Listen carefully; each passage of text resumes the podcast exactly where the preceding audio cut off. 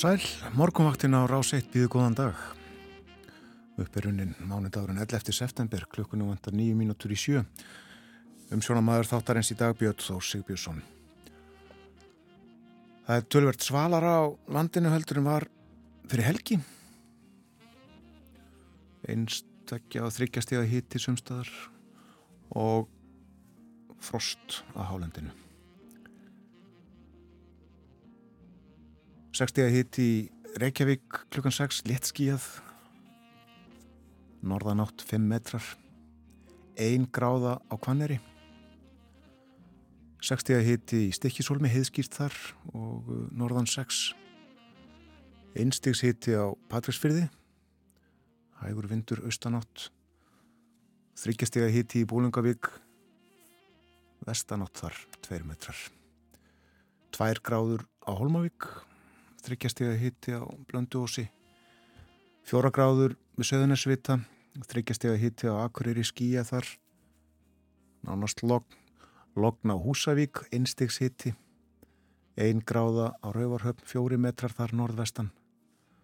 Þryggjastega hitti bæði á Skeltingstöðum og á Eilstöðum skíjað á Eilstöðum tveggjastega frost hins vegar á Grímstöðum 6 gráður á höfni Hortnafyrði og nokkuð kvast þar, 13 metrar fór í 17 í mestu kviðu, norðanátt. 7 gráður á kvískerjum 3 á kirkibæðaklustri 5 stegi hitti á Stórheða í Vestmannegjum og 3 gráður í Árnesi og á Hálendinu einstigs frost á hverjaföllum 3 stegi frost á Sandbúðum. 8 metrar þar. Og vegagerðin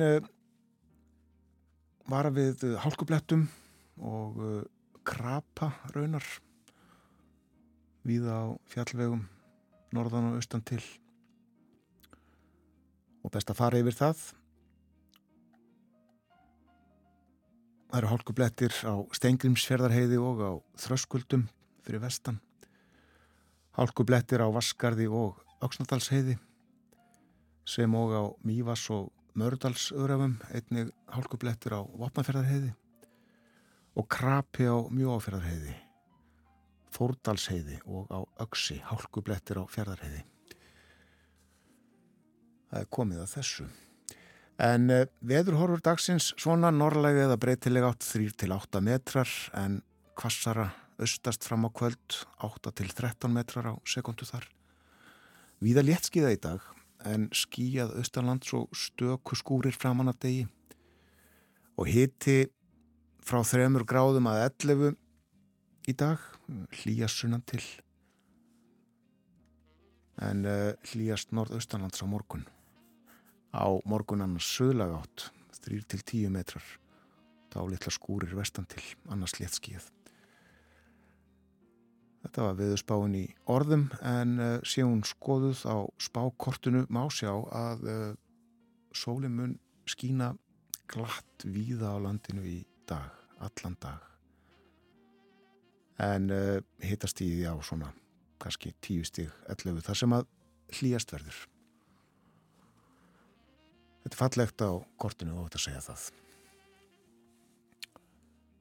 Það er ímislegt á dagskrá morgumvaktarinn er í dag, von er á fórsetta alþýðusambandsins í uh, spjall við ætlum að tala um uh, ástandið í landinu og þegar kjara viðraður fara að hefjast við ætlum líka að uh, tala þessum spillingu og hvernig mögulegt er að koma í veg fyrir hana. Og Björn Malmqvist verður með okkur. Tala frá Brussel. Þetta og ímislegt fleira á uh, dagskrá fyrir betur yfir þetta í uh, kynningu eftir fréttinnar sem að koma eftir rúmar fjórar mínútur. Og við leikum tónlist vitaskuld og uh, fyrsta lag þáttarins þennan morgunin syngur Haugur Mortens.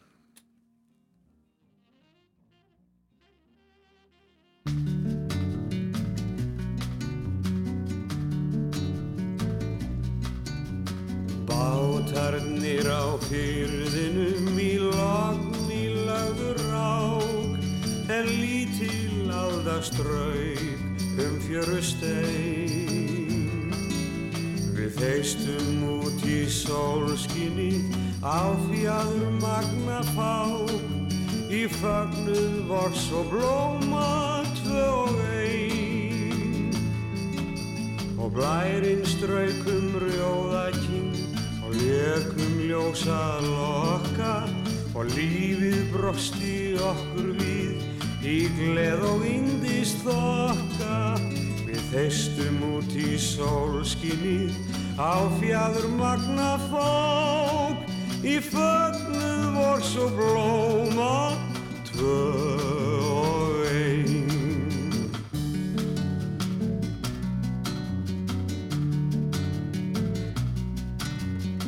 Djúpum smára kvami við áðum eina stund en engum segjum hvað gerðist þar.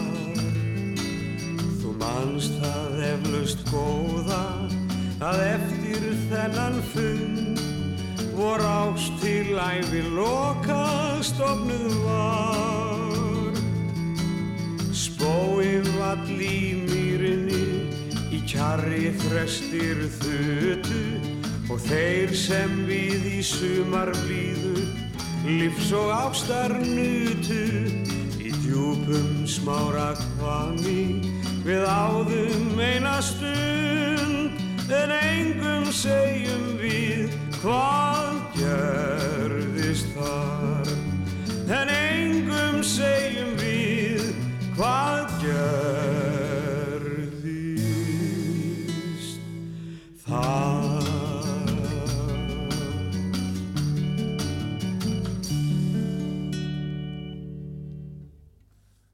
Bátarnir á fyrðinum Haugur Morten söng, Jónas Jónasson samt í lagið, Ragnar Jóhannesson tekstan. Bátarnir á fyrðinum í logni lögðu rák, ein lítil alda straukum fjöru stein. Við þeistum út í sólskinnið á fjadur magna fák. Og blærin straukum rjóða kinn og lékum ljósa lokka. Og svo þetta spóin vall í mýrinni í kjarri þrestir þutu og þeir sem við í sumar blíðu lífs og ástarnötu. Það líður að fréttum hjá okkur, fáum þær klukkan sjö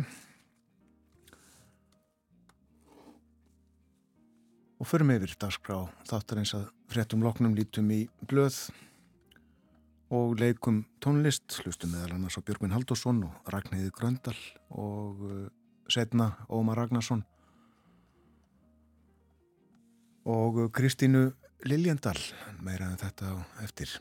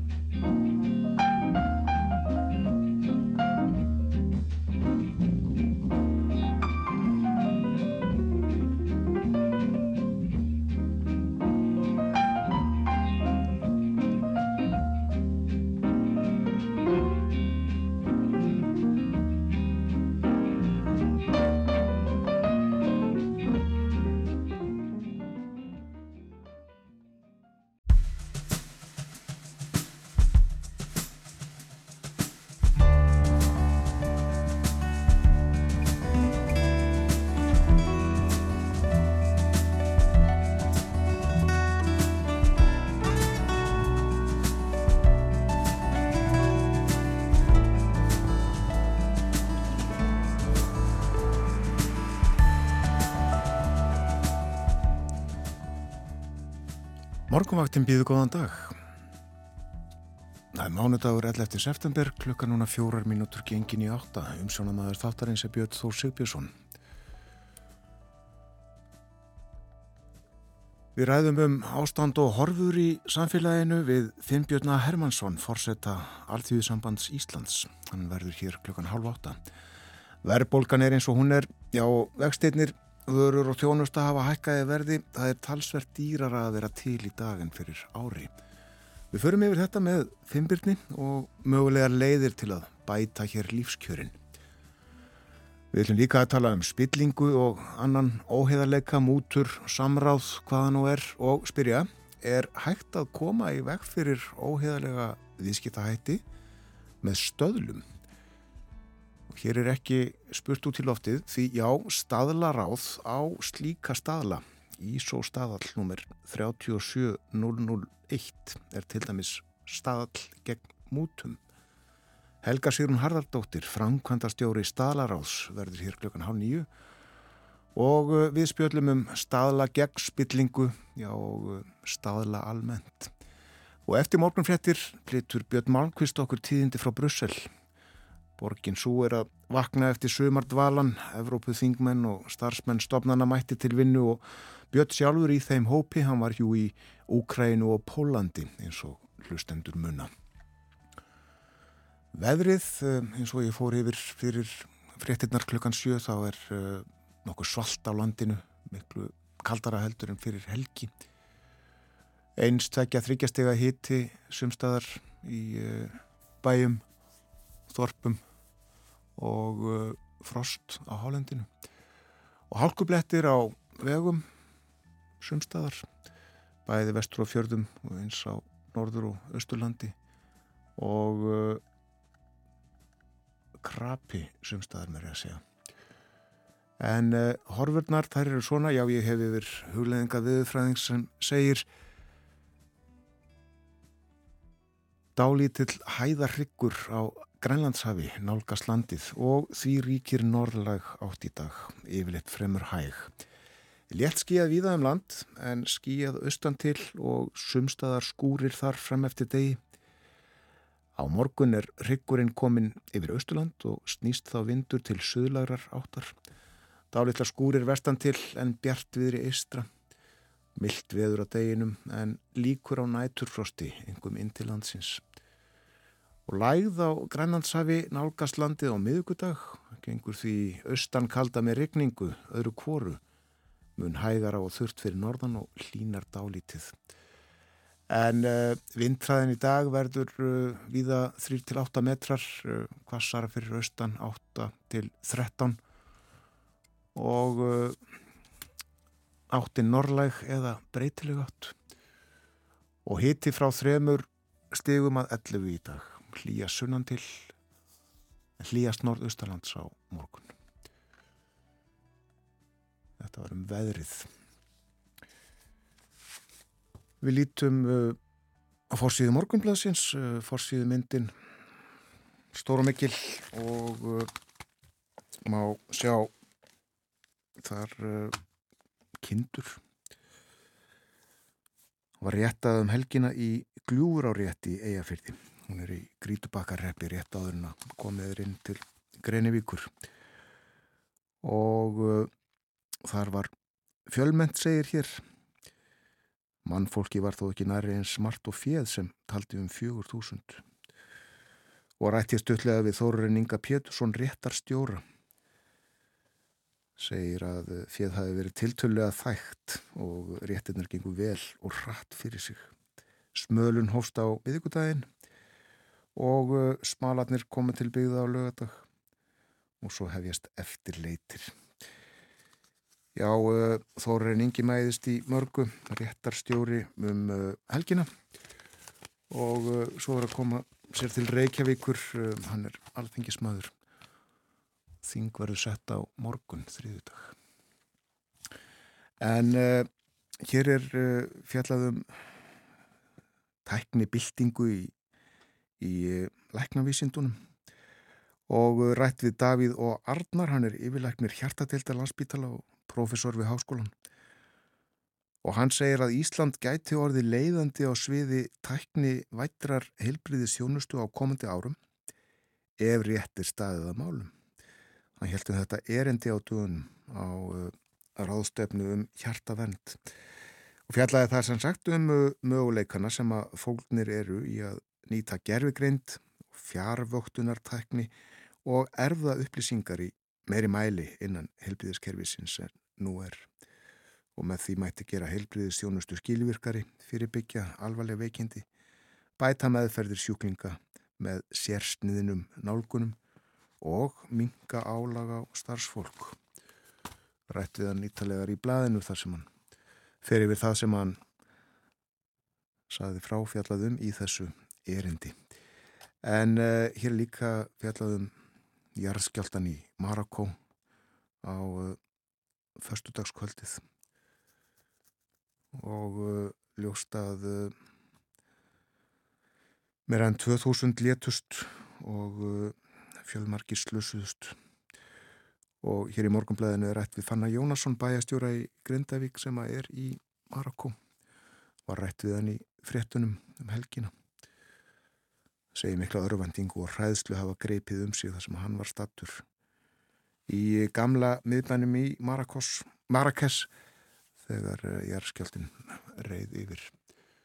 Og mér um, langar að geta þess að uh, Dominik Pletil Jónsson sem var með tjá okkur hér í þættinum í tengslu við goða framistöðu Marokko á hinsmestramótinni í fótbolta í november hún eh, hefur uh, settast að söpnun fyrir Marokko og uh, má finna upplýsingar á síðunni hennar á Facebook. En uh, hún skrifaði í gær það fór ekki fram hjá neinum að jarðskjáltin sem skók allt svæðið í kringu Marrakes hefur valdið meira en 2000 döðsföllum og eðilagt heil þorp og bæi. Þið vitið einnig hversu kært þetta land er mér og ég hef kynnt hátt í 7-800 Íslandingum fyrir gestristni og fegur landsins. Og uh, í síðustu ferðinni sem hún uh, fór til Marrakó þá uh, var henni ferðast um þær slóðir sem að nú eru rústir einar eftir skjáltan á förstu daginn og áfram skrifar Dominik í þessum ferðum hefur Ahmed verið okkar leðsugumadur og verndar engill og enga vinuminn og nú gerir hann allt sem hann getur til að aðstóða þar sem neyðin er mest og þorpin afskektust hann þekkir alla á þessum slóðum. Og hún gefur hér upp uh, reknisnúmer og kennitölu sem að uh, fólk getur fundið á eins og ég saði síðan hennar á Facebook. Og Dominik segir ég ætla að senda honum peningauppæð sem hann sapnast senda honum þessa fjárhæð beint. Og hann mun koma peningunum áleiðis í réttar hendur til uh, manns sem að sérum innkaup og flutning á mat og fyrstu nöðsínum til uh, Þorps sem að heitir Amismis. 20 úsmanna bær sem að varði einna verst úti í skjáltanum uh, er nánast við upptök hans það sem upptök skjáltans voru. Engin milliliður og örug nótkun á peningunum en uh, eftir nóttina þá berast fréttir frá Greiklandi þar sem að 15 eh, letust í ofsaveðri og flóðum. Og leitar fásættisráð þeirra Greiklands uh, fulltingis Európisambansins til uppbyggingar eftir þetta óviður og vísindamenn segja að Greikland þunga miðju lofslagsbreytinga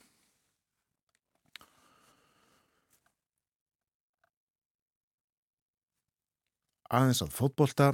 Það gekk ekki vel í Luxemburg fyrir helgi. Leikurinn tapaðist. Heimamenn í Luxemburg gerðu þrjú mörg gegn einu íslensku marki.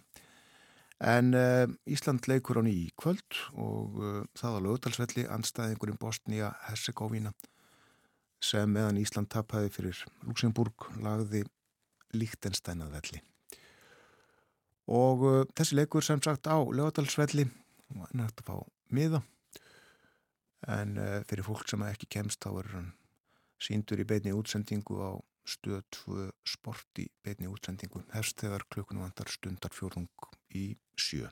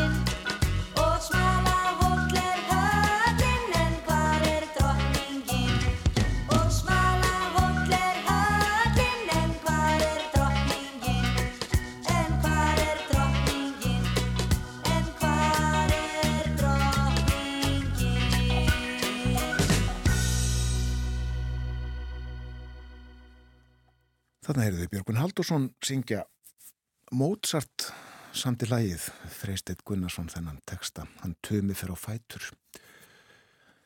En uh, nú ætlum við hér næstu mínútur að fjalla um barnamenningaháttið sem að haldin er um alla vestfyrði háttiðin hefst í dag og stendur í tvær vikur. Og í símanum hjá okkur er Skúli Gautason sem er menningafulltrúi á vestfjörðastofu Góðan dag Skúli Góðan daginn Góðan daginn. Þú er stattur í Stengrinsfyrðinum og uh, ég uh, sá á yfirlitskorti veðustofunar að uh, það er nokkuð svalt hjá þér. En uh, hvernig lítur þetta allt saman Já, út? Þetta er svo fallegt, það er maður í, það er alveg sko blanka lokn og, og, og, og hérna horfa hérna út úr gluggan, það er bara eins og horfa eitthvað undurfallegt málverk. Já, Hestarnir á beit og þessi, þessi hérna, þessi lárétta byrta þegar hérna sólinn skín svona, er kallað þetta í kvikmyndakeiranum golden hour, þegar hérna langi skuggar og, og hérna byrtan svona gulari heldur en alltaf. akkurat. Þetta er svo fallegt. Ég vildi að það getur bara öllu verið hérna hjá mér. Mikið vildi ég vera þarna. Svo við segja það nú bara alveg eins og er. En uh, hefur gránaði fjöll, sér það? Nei, nei, það séu nú ekki. Nei, já, já. En það eru börnin og uh, menningin og, við skulum byrja á að tala um það að, að uh, barnamenningaháttíðin sem að hefst um alla vestfyrði í dag heiti Púkin. Uh, sko samkvæmt orðsefja bókinni er Púki ári eða smátjöfull eða durtslegur og nískur maður en orðið hefur almennt aðra merkingu á vestfjörðum. Já, krakkar hafa verið kallaði búkar hérna gegnum tíðina og hérna annars var þetta valið þannig sko, með svona líðræðisleiri kostningu. Við fórum í alla skóla á vestfjörðum og, og þar var kosið, það var svona, það var, það var fyrst svona skoðanakonun eða svona hugmyndabanki sem að hérna krakkarnir lögðu eitthvað til í og, og svo voru hérna valin svona bestunöfn úr því og svo fengur krakkarnir að kjósa um það og það var það var mikið svona, þetta var alvöru kostning, sko, leinileg kostning og, og alveg hardbannað að vera með áróður og kjörstað og leðs og tekið mjög alvarlega og þeim fannst svolítið til um þetta, sko. Já, ég vissi, Og- vissi þetta var gert í Galanda en er, er þetta ennþá notað?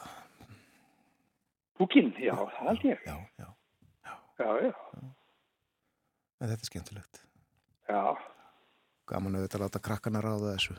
Verður dagskrá í öllum bæjum og þorpum af vestfjörðum og, víðar kannski? Já, þetta er eh, bara út um alla vestur, öllum, þetta er náttúrulega tengið svolítið mikið skólunum og að það er þar sem að krakkarnir eru og þetta er svona hugsað fyrir grunnskóla aldurinn allan.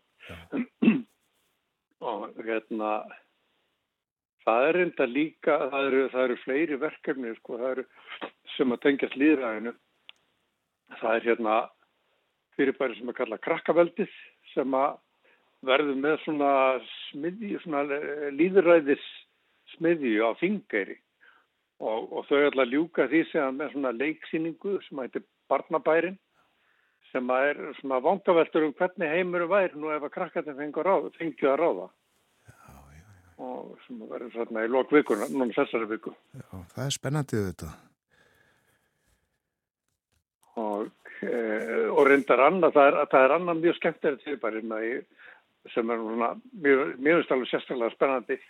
Það er eh, einn skóli sem á lögheimili hérna á vesturinn sem heitir Áskarskóli og er kallað skóli skíjónum og hérna er svona ætlaður hann, hann þá, þá hittast krakkarnir alltaf bara á netinu hittast aldrei í raunum en það eru krakkarnir bara út um allt land og reyndar í útlandum líka sko. Það hentar vel fyrir já krakkar sem að, eru þannig aðstæður að þau eiga erfitt með að fara í skóla eða krakkar sem eru uh, börn fóröldra sem að búa erlendi sem stundarsakir og slúðis geta verið áframsamt í íslenskum skóla sko. og þess, þau ætla að vera með svona félagsmiðstöðu sko í skíjónum Já, sem að verður uh, hérna jáfnframt eins og klubur hátíðarinnar. Og hérna uh, svona ekki þá svipað því sem er á lista hátíða þarna það er þetta hittast þarna í lokverst dags og og, og spjalla og svo leiðis og, og svo verða svona alls konar skemmti upp, upp á komur það líka og fráðleikur og meðal annars hérna e, nýtt svona, já svona svolítið, já líðræði, kannski líðræðislegt verkefni þar sem að krakkarnir byggja, þetta byggjum nýja vestfyrði og þau ætla að gera það í Minecraft og hérna leiknum það sem er byggingaleikur og hérna og svona undir uh, við laumum inn umræðu um, um bara hvernig samfélagi getur best orðið í þeirri vinnu. Og virkilega spennandi að sjá og heyra hvaða hugmyndi krakkandur hafa um þetta einmitt. Já, við reynum að fara einn mikið og við getum eftir bara hugmyndum krakkana. Sko. Já það er alltaf langt best. En sniðuðu þetta að uh, nota netið og, og þá má nú skjótaði hér að að uh, við forreitnuðust einmitt um þennan skóla hér í, í síðustu viku frekar en þar síðustu og töluðum við Kristrúnur Lind Birgisdóttur, hún sað okkur Já. frá áskarði en það er auðvitað langt á milli til dæmis bara Patræsferðar og Hólmaðugur til að mynda þannig að gaman að og sniðuðu að láta krakkana á þessum stöðum hittast á netinu og ræða málinn. Já, já. Við segjum oft hérna, ég er þetta hérna, já, nála tólmavík Hólmavík er nefnilega daldið, í rauninu daldið centralt. Það er, það er jafn langt frá Hólmavík til Ísafjörðar og Patrísfjörðar og Reykjavíkur. Já, það er ekki víst að allir átti sig á þessu, sko. Nei, svona, sumuleiti daldið miðsvæðið, sko. Já. Það er, alhensins. Nafli alhensins, það er kannski ekki alltaf alveg rétt að tala um vestfyrði sem, sem, sem eitthvað eitt. Nei, við mjög gerðan skiptum vestfjörðum í, í þrjá, svona þrjú svæði, sko, norðanverða vestfjörði sem eru Ísafjörður og Söðurir og alveg Söðra Þingæri mm. og Pólungavík og, og hérna og svo suð, sunnanverða vestfjörði sem er þá Bíldudalur, Tálknafjörður og Patru og síðan Strandir og Reykjóla og þá Strandir alveg norður í Arnarsepp og, og, og Söður í Reykjóla. Já. Sko hátíðir eru auðvitað góðar en er sæmilega fjöllett menningalíf fyrir börn á vestfjörðum svona dagstæðlega? Já, það er það nú. Já, já, það er náttúrulega mismunandi aðeins eftir svæðum og eins og alls það getur verið erfitt að fá bæði listgreina kennara og tónlistarkennara og hlust en, en hérna ég held að það sé nú við að skar bara ótrúlega blómlegt og sérstaklega Ísafærði hefur þetta verið í gegnum tíðina gríðarlega upplugt hérna Eh, tónlistilíf sem var svona, kannski, ég veit ekki hvort að ég held að Ragnar Há Ragnar heitin hafi verið svona mikill frumkvöðull og mikill píjano svona, komu, komu margir svona sterkir píjanómenn úr, úr þeim rannir og, og alls konar mikið og öflugt hérna myndlistalíf líka eh, sérstaklega í kringum Ísafjörn og, og hérna ströndum það er ein, ein, ein mjög skemmtilegt verkefni hérna svo ég vaði nú svolítið einu annar hérna á ströndun sem að heitir Ísleifur. Það er, það er hérna svona eh,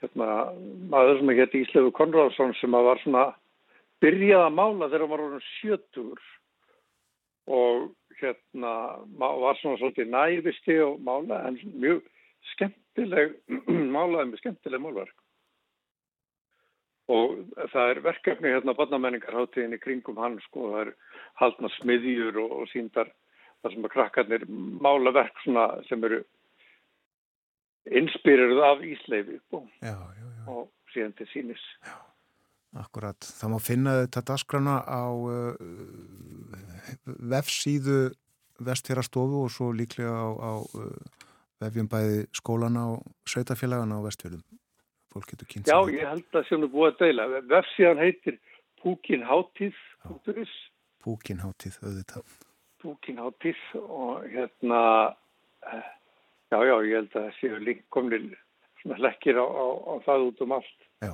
akkurat. Er, en Ragnar, ég held að það hefur verið Ragnar sem að uh, saði eitthvað á þá leið að, að skóli var ekki hús heldur fólk. Já, já, það er, það er rétt, sko. Það er rétt. Já. Og dóttir hans þá varum verið verið að bera hana til gravar núna fyrir helgi og Sigriður Ragnarsdóttir sem var lengi skólastjóri, tónleitskólum svo í samverði og gríðarlega öflugi að efla tónlistarlifið. Akkurat.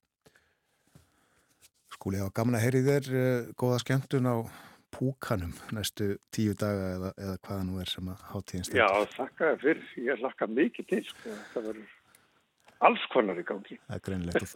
Þakka þið fyrir að draga upp þessa mynd af, uh, af uh, steingrísfyrðunum hérna í upphafi spjalls okkar stafalokk og sólinn látt á lofti og, og geyslættir svona langir eftir, eftir speil sléttum hafletinum. Takk, takk, já. Njóttu dagsins. takk, sömulegis. Bless, bless. Bless. Skúli Gautason er menningafulltrúi á vestjörðum. Púkin hefst í dag.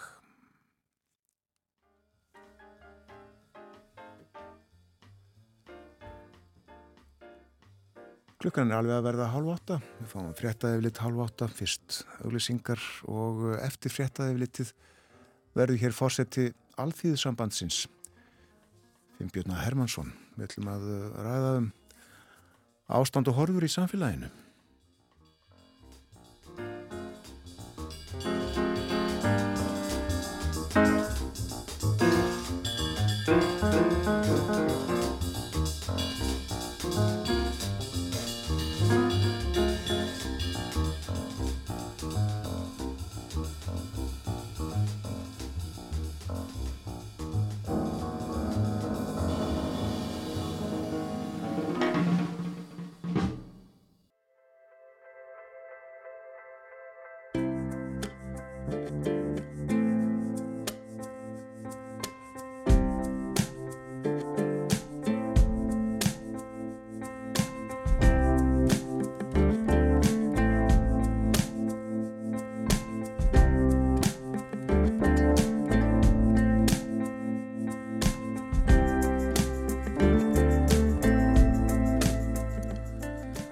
Ný þeir að hlusta á morgunvaktina á rás 1 klukkan réttliðilega hálf 8 mándagur í dag nývinnu vika hafinn og sólimun skína skína glatt um uh, nánast allt land í dag.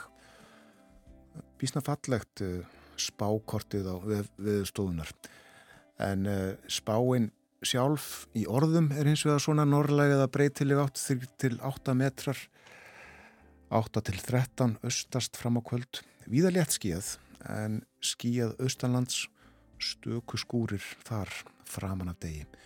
Og hitti í dag uh, eh, 3 til 11 stíg hlýjast sunnan til.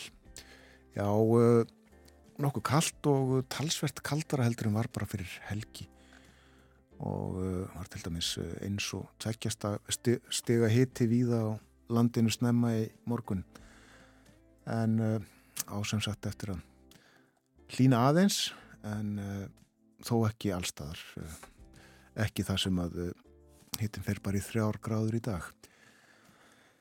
Nú að því sem er framöndan hér í þettinum Björn Malmqvist fréttamaður verður með okkur eftir morgun fréttinar klukkan átta hann segir okkur tíðindi frá Brussel. En líf er að færast í þá borg aftur eftir sumafrí starfsfólk Evrópu stofnanana, allra allþjóðastofnanana koma til vinnu á ný og uh, Björn fer yfir eitt og annað í spjalli með okkur og eftir. Og svo ætlum við að velta þið fyrir okkur uh, millir hálf nýju og nýju hvort hægt sé að koma í veg fyrir uh, spillingu og óheðaleika með stöðlum. Og það er víst hægt, það segir Helga Sigrun Harðardóttir, framkvæmdastjóri staðalega ráðs. Já, það er hægt að uh, innleiða verkferðla og annað slíkt sem að uh, ég ætla að dregur úr möguleikunum á þessu allir saman meira af þetta eftir. En uh, nú er komin í þáttinn Finnbjörn A. Hermansson fórseti alltíðu sambandsins, góðan dag og velkomin. Já, takk að þið fyrir. Við ætlum að uh, tala um ástand og horfur í samfélaginu heyra hvernig þetta blasir allt saman við þér. Framöndan er ju gerð kjærasamninga og það í mestu verðbólgu sem að hér hefur verið frá því held ég rétt eftir hrun. Og vextin eru þetta háir, heiminn háir. E, fjárlaga frumarpið það verður lagt fram núna á miðugudagina ef mann rétt. Sko hvernig lýsir þú efnahags ástandinu eins og þetta horfur við þér núna?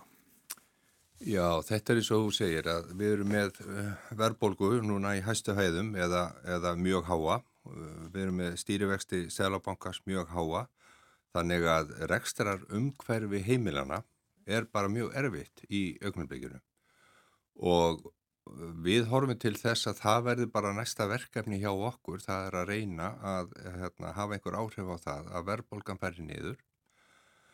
Og þar með stýrvextir en það er svo bara margt annað sem að hangir á spýtunni sem að, sem að hefur gert það verkum að að hérna svona rekstrar umhverfi heimilana er erfið og það er þessi fyrirsjámanleiki sem allir er að kalla eftir, hann er mjög lítið til okkur. Við erum að gera rekstra áallennu fyrir okkar heimili, miða við þær forsendur sem eru þegar þær eru gerðar og svo bara hverfa þær út í loftið með einhverjum stjórnvaldsaðgerðum. Já. Og það er það sem við erum að reyna að spórna við. Já. En uh, hvernig útskýrir þú þessa verðbólku? Fólk hefur nefnilega ólíkar hugmyndir um hvers, hvers vegna hún er. Sko, það eru það bara eh, mjög, mjög marga skýringar eins og segir á verðbólkunni. E, þegar við gerum síðust kjærasamninga í, í hérna nógumber 2021 þá er uh, verðbólkan á söpum staðu núna og við gerum hólega kjærasamninga. Við gerum kjærasamninga sem að meðaltali gefa launafólki 6,9% kaupækun og uh, það átti sem sagt að uh, vera til þess að við heldum kaupmættinum sem að þá var. Uh, fyrirtækin töldu að því það var sko með tagnaður á þeim tíma að þau getur tekið þetta á sig þegar, þegar rætt verið þau í sagt, kjærasamningunum ríkið ætlaði að halda uh, aftur af verðhækkunum og síðan vorum við að vona að, að aðri tækju uh, sko undir með okkur eins og Vestlunin og Þjónustan og aðri sem eru leikandur á íslensku vinnumarkaði. En það bara gekk ekki gettir. Við vorum alla búin að skrifa undir að ríki kemur með uh, hækkanir, uh, til dæmis uh, hækkanir á bílum og, og fleira og þá svona veist, þá dettur ábyrðatilfinningi niður hjá öðrum og, og það, það bara tók engin neitt á sig nema launafólk. Og þannig að við vor, erum eiginlega bara búin að vera að framlengja ástandinu sem var í nógumbi 2021 þegar, þegar við skrifum undir til dagsins í dag. Það hefur í sjálfins ekkert gest. Þannig, þannig horfi ég svolítið á þetta afhverju verðbólgan hefur ekki lagast á þessi tímabili. Já. Sumi vilja meina að eh, launahækkunum séum eittum að kenna. Já, já, það er hægt að, er hægt að hérna, draga svona einn þátt út og kenna um. En, en það sem við erum að gera er það bara við erum að reyna að viðhalda okkar kaupmætti. Og, og hérna, hann er til dæmis um þessa myndir er hann að detta undir nullið þannig að við, sko, þessi kaupmáttur sem við náðum okkur í í hérna november 21 það er búið að geta hann upp hjá flestöllum okkar félagsmanna. Það eru bara láluna hópaðin sem fengur viðbótarhækkanir sem að halda sínu kaupmætti og vonandi þangandi við skrifumundin í að samninga. Fólk finnur fyrir uh, verðhækkunum og auðvitað einna helst miklu herri áborgunum af húsnæðislánunum. Veistu til þess að, að fólk sé komið í vandræði? Sko, já, já það, það er náttúrulega bara misjáft og ein, einstakar fólki komið í vandræði sko. En, en það er þessi fyrir síðanleiki sem, sem ég var að segja á þann. Að þegar fólk er að taka lán og það rekna með þessum vöxtum að þá hérna uh, og það gengur ekki eftir að þá ferða að herða óleina einhverstar annar staðar og við erum bara þannig gerð að við reynum að standa í skilum og það sem við gerum að við bara draugum saman seglinn annar staðar. Og þetta lendir ofta á tíðum á hlutum sem að hérna, síst skildi eins og til dæmis að, að fólk er að draga börn út úr íþróttum eða tónlist eða eitthvað þess áttar þeir sem, þeir sem að sko er að lendi vandræðum og það er bara ekki gott. En, en þannig bregst fólk oftast við áðan að það fer að sko fara í vanskil Og uh, samningarnir sem að uh, nú eru í gildi, þeir uh, já, renna út er það ekki, gildistímið er að rennur út hvað, 1. februar? Já, á almennamarkaðunum nema eblingar, eblingar aðeins setna Já en vel flestir samningar enna út 1. februar. Já, og það eru rúmið fjóri mánuðið þanga til. Já.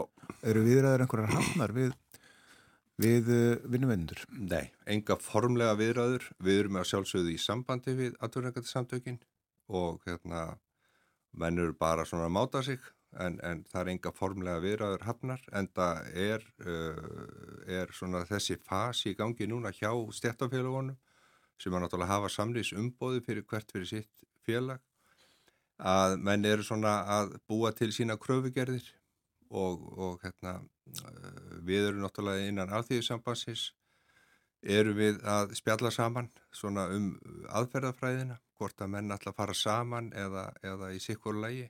Hver heldur að niðurstöðan verði úr því? Sko, það er ekki komin einn niðurstaða en, en eins og ég horfi á málinn núna þá er þetta það reysastort verkefni að eh, ég sé ekki annað en annað fært eiginlega fyrir verkefælisefinguna heldur en að fara saman núna.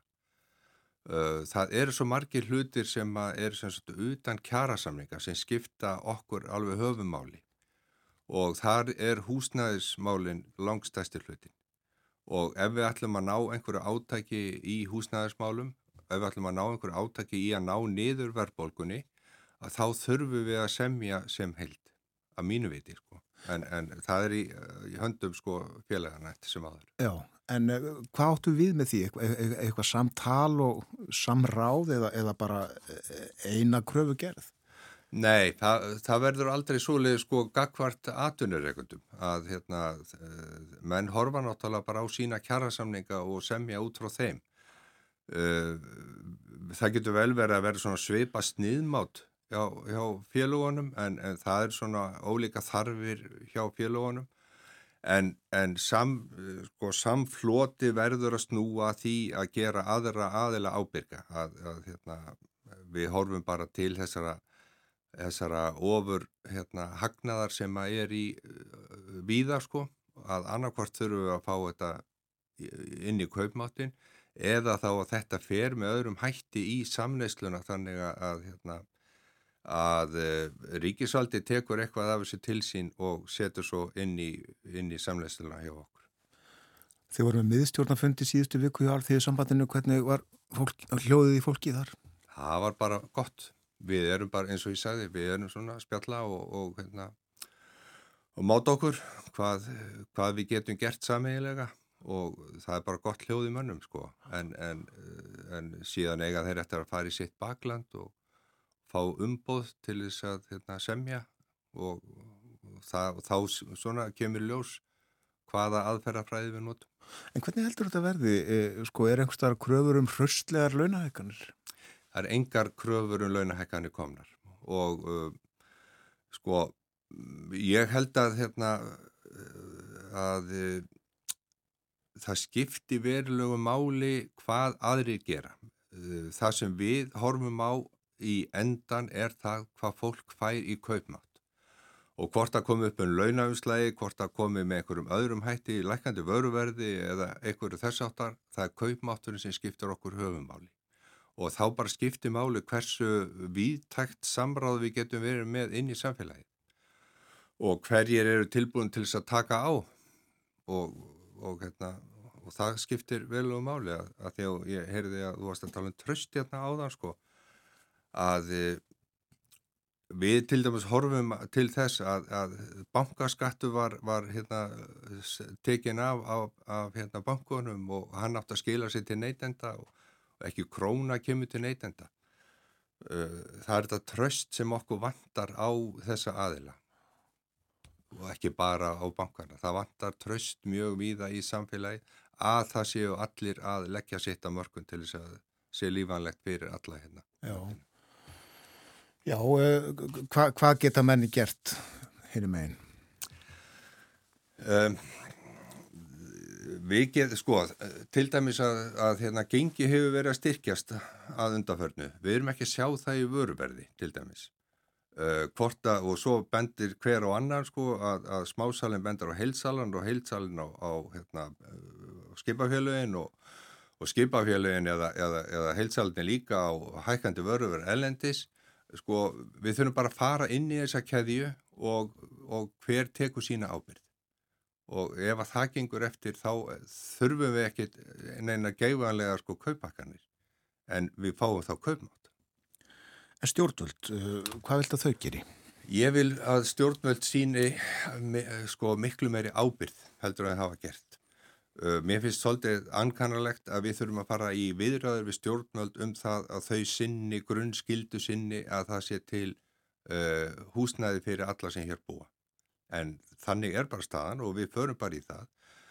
Uh, Innviðar á þeirra setti fram metnaðafulla húsnæðistefnu núna nýverið og ég vil að við vinnum bara með honum að framgangi þeirra stefnu og flítuminni ef eitthvað er vegna þess að húsnæðisvandin er mjög erfiður hjá okkur og hann, hann, hann kemur fram á svo mörgum sviðum eins og til dæmis í, í ofurhári leigu að því að leigumarkaðan er svo ofullkomin hjá okkur við verðum að hérna, styrkja hann Þannig að e, það sé bara nóg frambóð, það er eina leiðin til þess að það sé heilbröður leikumarkaður og við þurfum líka að passa upp á það að fólk geti sko keift sína fyrstu íbúð því að við erum sem sagt bara í alþjóðlegu samstarfi eða í svona samfloti.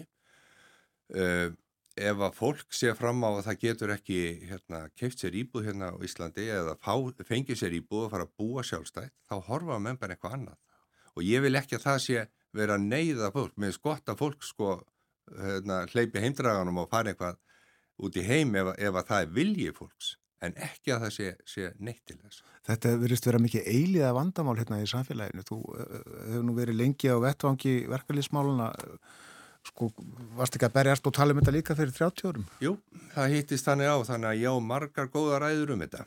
Þannig að hérna sko við erum svolítið jójó samfélag að, og, og ég líka því ég kem nú byggingageirun sko það hefur verið sko í gegnum tíðana ímist í ökleða eira að gera og það er þessi fyrir sjáleiki sem okkur vantar og við þurfum svona að stabilisera svolítið hérna, markaðin hjá okkur hvort sem það er vinnumarkaður, húsnæðismarkaður eða hvað sem er og við þurfum að vera með svolítið fyrir sjáleika að til dæmis það að það er vita nokkur veginn sko svona líðfræðilega hvað okkur vantar margar íbúðir á ári.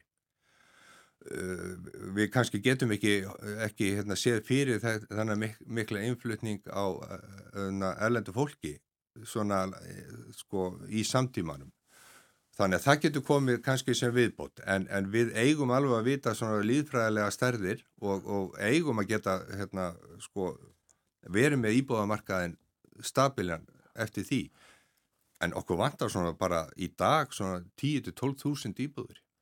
Og það eru auðvitað breyst á eh, núna bara tiltúlega að fáum árum að verkefælsefingin er komin inn á húsnæðismarkaðin. Heldur að, að, að það verði meira en það? Nei, það er nú reyndar ekki nýtt sko. Við sömdum um húsnæðis hérna, um, um sko, verkefælnabústaðakerfi sko 69 og svo höfum við verið að gera svona átak af og til En sko vandamáli er að hérna, sko, verkefnabústaðakerfi var sko látið frá kerfinu sem slíku í kringum 2000 ef ég maður rétt sem var, voru sko bara storkoslega mistök vegna þess að það kerfi sem átt að koma í staðin það bara gekk ekki upp og við erum svolítið að súpa segið af því hvað var það sko svona félagslega íbúðakerfi og leikumarkaðin. Já, en það er komin þessi leigufélug núna. Já, en þau náttúrulega er ekkert burðug, þau eru bara rétt að komast á, á lappirnar og, og hérna, það er komnar einhverja 1500 íbúður í, í bjarg sko, en, en vonandi verður það sko ríkjastykkið í leikumarkaðinu til framtíðar.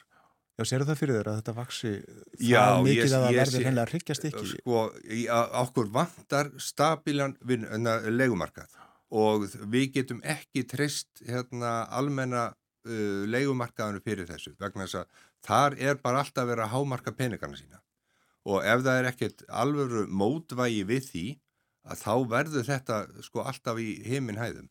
Við, við hérna, stefnan er bæði ellendis og hjá okkur í verkefælsefingunni að það far ekki meir en um 25% ráðstöðuna fyrir fólks í húsnæði.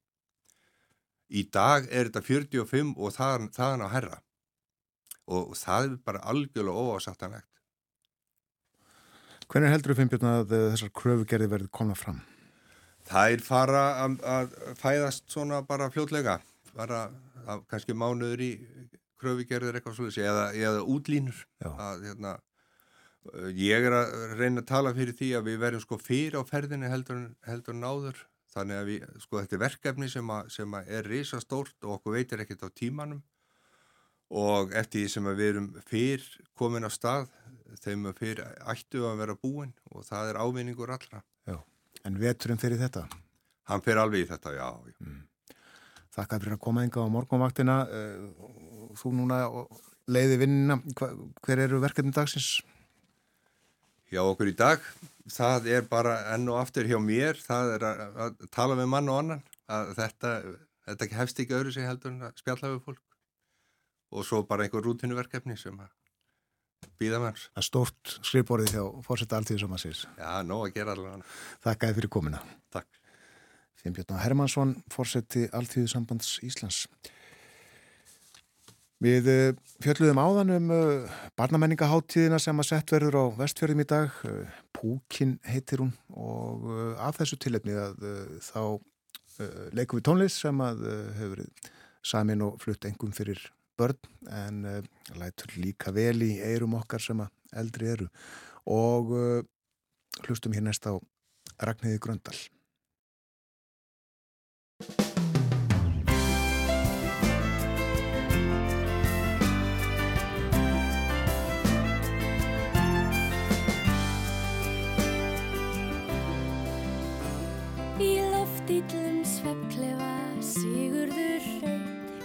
Svo drakkan kaffi en vildi ekki graut. Þess vegna varð hann svo vísin og smár Og valdur og þróttlaus og fölur og grá Þótt hinn börnin öll yrður hrustleg og stór Og horaðist siggi og var slettur og mjó Úr skóla í stormi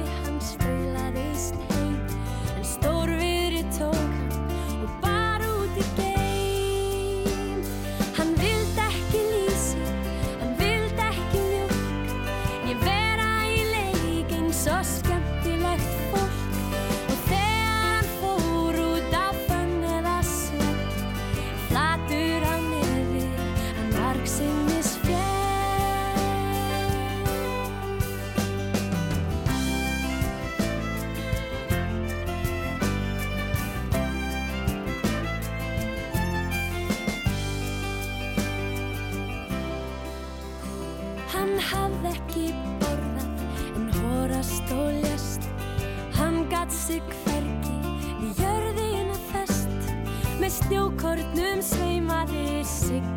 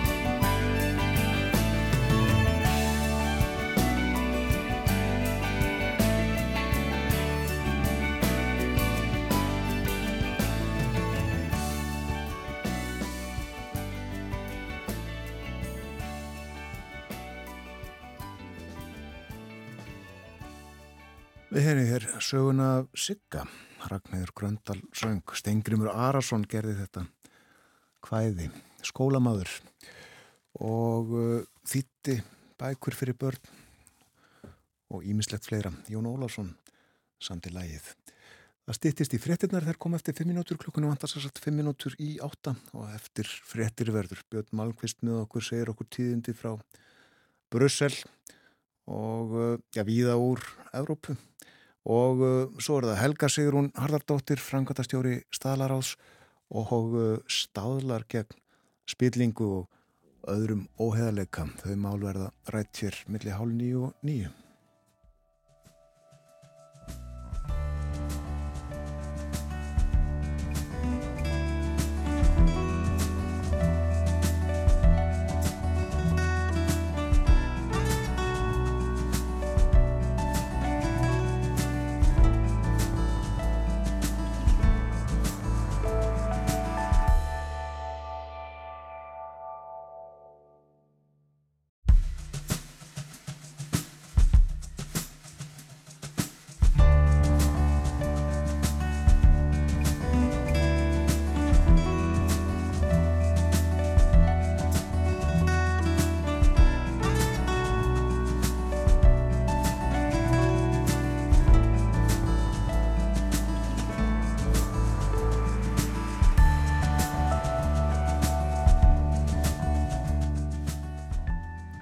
Nýð, þetta er morgunvaktin á rás 1, klukkan farin að ganga nýju, það er mánudagur í dag, 11. september. Og uh, ágætis veður á landinu, sólinn mun skína mjög víða, verður uh, glada sólskinn í Reykjavík til dæmis, gangi þetta allt saman eftir, en uh, skíjað í höfuborgum hinnan Norðurlandana sé ég, skíjað í Kaupmannahöfn og Óslu og að mestu skíjað bæði í Stokkólmi og Helsingi, en Það verður glada sólskinn í Þórsöfni færiðum. Skíjað hins vegar í núk á Grænlandi og hittin þar fimm stig þegar best lætur. Við fengum hann að snemma í morgun fallega viðlýsingu úr Steingrímsfyrði. Skúli Gautarsson, menningafulltrúi vestfjörða, var í símanum en Púkin hefst í dag menningarhátið barna á vestfjörðum. Spennandi dagskráð þar. Núna í eina tíu daga krakka diskotek til dæmis á vagninum á flatterjum næstu helgi.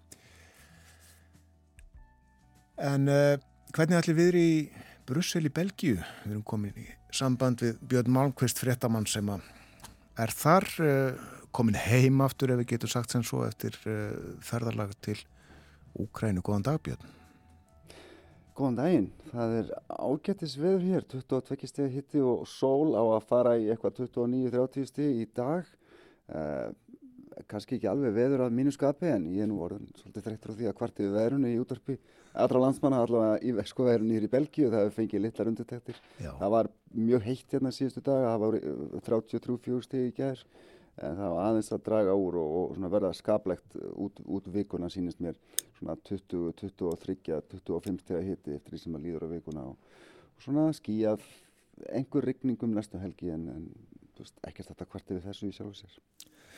Eins og ég sagði, ertu komin til starfa á ný í Brussel, þú varst á ferðalagi og við heyrðum yfir í tvígang frá Úkrænu og að byrja á að fara yfir frettir af gagsókn Úkrænumanna í söðri. Já, gagsókninni sem að hófst í júni og hefur kannski ekki gengið eins svona rætt fram eins og, eins og menn voru kannski að vona, uh, kannski raunsætt, kannski óraunsætt en, en Úkrænumenn segast ennþá verið að sækja fram í Saboritsja hér að ennum sem er í söður hluta Úkrænu þar sem að þeir tók nýlega að brjótast í gegnum varnarlínur rúsa sem að, að rúsneskar hessutir hafa haft núna marga mánuði til þess að grafa niður og, og koma sér fyrir þar uh, vitandi að því að Úkrænumar myndu á endanum sækja þar fram.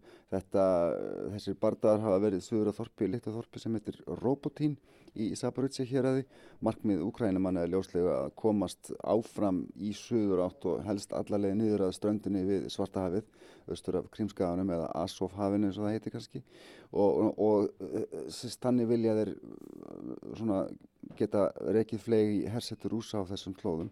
Það, það eru vísbendingar um þeim, þeim hafi orðið ákengt síðustu daga og þeir eru svona hægt og bítandi að komast í skotfæri við helstu byrðarlínu rúsa sem að, sem að liggja á þessu svæði en þetta gengur eins og er mjög hægt og, og bítandi gegn, gegn mikill í mótstöðu og svo náttúrulega það líka, það er ekki marga vikur eftir að sumrinu og höstunu á þessum slóðum og regningartími gengur í garð eftir svona sex vikur eða svo og þá verður þetta allt saman miklu erfiðara en þeir segjast nú samt alltaf halda áfram að, að berjast þannig niður frá.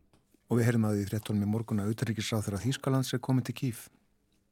Já, Anna-Lena Berbókar í heimsókn í Kíf í dag. Þýskaland er auðvitað eitt af þeim ríkjum sem hafa stutt hvaða mest við bakið á Ukrænumönnum á undanförnum missurum þrátt fyrir að hafa náttúrulega verið svolítið higandi í fyrstu hvað var það vopn.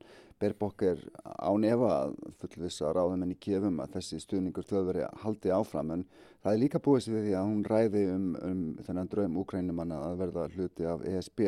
Úkrænu eru þetta orðin að umsóknar þjóð var það í fyrra og það er stemt að því að formlegar aðeldavirðar hefist fyrir áramót.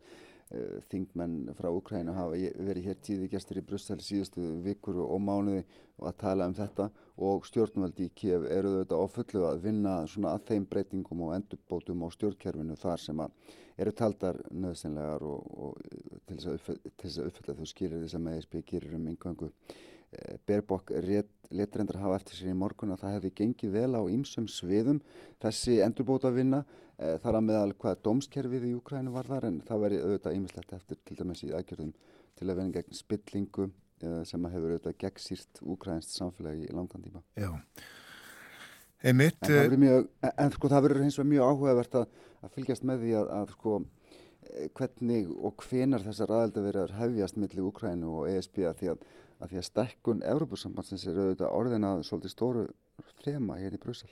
Akkurat.